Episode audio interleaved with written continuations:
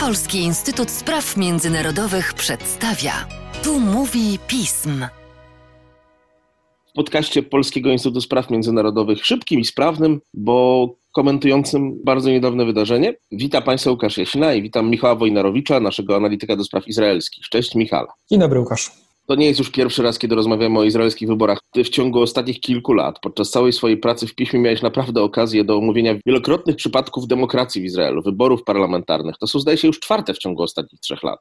Nawet powiedziałbym, że w ciągu dwóch, bo ten cały cykl wyborczy rozpoczął się w grudniu 19 roku, no i z tą roczną przerwą od wyborów w zeszłym roku w marcu, to faktycznie teraz byliśmy świadkami czwartych, czwartych wyborów. O tym, dlaczego tak jest, już nam mówiłeś i co ostatecznie w czasie tych wyborów nastąpiło. Izraelskie wybory są zazwyczaj dość łatwo policzalne, w sensie koalicji, które mogą po nich powstać z uwagi na ilość osób zasiadających w Kresecie. Możemy powiedzieć, kto wygrał? Na tę chwilę, kiedy jeszcze nie zliczono wszystkich głosów, obecnie mamy 88% wszystkich głosów policzonych, wszyscy czekają na tak zwane podwójne koperty, czyli głosy ludzi, którzy głosowali w, poza tradycyjnymi lokalami wyborczymi. Wszystkie to są głosy żołnierzy, również więzienia, szpitale, ale teraz no doszły właśnie te głosy od osób na, na kwarantannie, więc spory segment głosów, które mogą przechylić na szale jedną lub drugą. Frekwencja raczej się utrzymała na, na podobnym poziomie około 70%.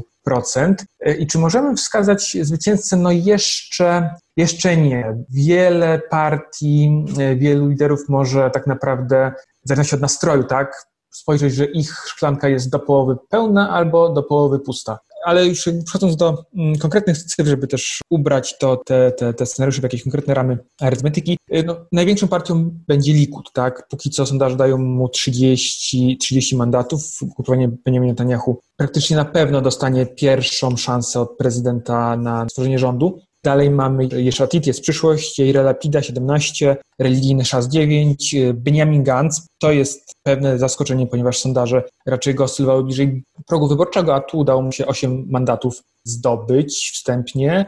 I dalej mamy tak naprawdę szereg partii, które mają taki sam wynik, to będzie bardzo dość rozdrobniony Kneset. Mamy Libermana z siedmioma mandatami, Partia Pracy też siedem, e, Zjednoczony Dajzm Tory siedem, Prawica Beneta siedem, sześć mandatów mają na chwilę obecną Zjednoczona Lista Arabska i Nowa Nadzieja Gideona Sara oraz Partia Religijnych Osadników e, Ultranacjonalistów, Partia Religijnych Sionistów i stawkę zamykają Progresywny Emeryt z pięcioma mandatami i, i to było duże, duży news rano, bo wieczorem jeszcze ta partia nie znajdowała się nad progiem wyborczym, czyli konserwatywny islamistyczny RAM. To długa litania nazwisk partii, ale um, jaki blok? Jaki blok ma najwięcej? No i niestety tu Netanyahu brakuje. Brakuje mu do swojej wymarzonej prawicowej koalicji dosłownie paru mandatów w sojuszu razem z partiami religijnymi, z partią tradycjonalistyczną i nawet jeśli Bennett, który miał być tym języczkiem uwagi, by do niego dołączył, to wciąż nie ma, nie ma większości. I wielkie pytanie, czy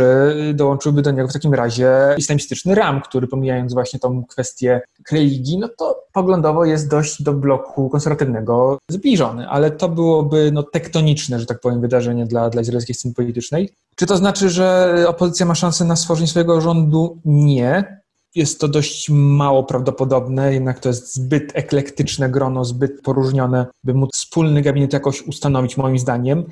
Ale już prowadzić działania blokujące dla Netanyahu. Pojawił się taki scenariusz gdzieś tam w tej, wśród ekspertów i, i analityków, że dysponując większością w Knesecie można mieć swojego marszałka Knesetu, można prowadzić swoje ustawy, a wśród tych ustaw może być na przykład taka, która zakazuje ubiegania się o urząd premiera osobie, wobec której toczą się jakieś śledztwa, na przykład o, o korupcję. Także no, ciężko, y, ciężko póki co wyrokować, w którą stronę to się przeciągnie.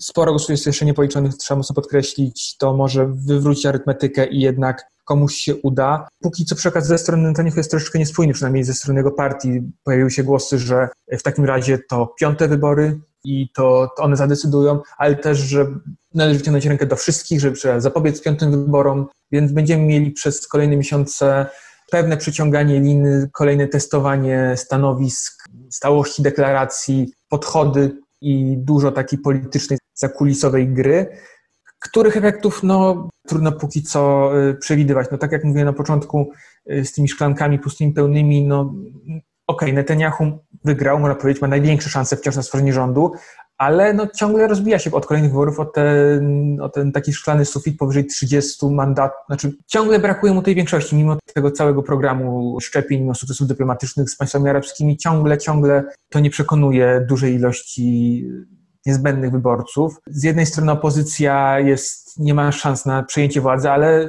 nie spełniły się scenariusze, że sporo tych partii nie wejdzie do, do, do Knesetu. Praktycznie, no może poza partią Gideona Sara, która no spektakularnie klapła w sondażach, to, to ciężko wskazać, tak mówiąc wprost, partii, której się totalnie nie udało. Więc niewykluczone, że w ciągu najbliższych paru miesięcy będziesz znowu musiał mówić nam o kampanii wyborczej. Z pewnością. Jest na to y, spora szansa. Dużo się może, mówię, wydarzyć jeszcze na, na tych liniach y, międzypartyjnych, może dojść do jakichś rozłamów, co nie byłoby dużym, dużym zaskoczeniem. Jako ciekawostkę można podać, że ten Kneset, który został teraz wybrany, będzie też wybierać prezydenta, ponieważ w tym roku kończy się kadencja Rubena Rwina, więc będzie, będziemy obserwować jeszcze kolejne wybory, ale to myślę będzie temat na inną, inną rozmowę bliżej, bliżej wakacji.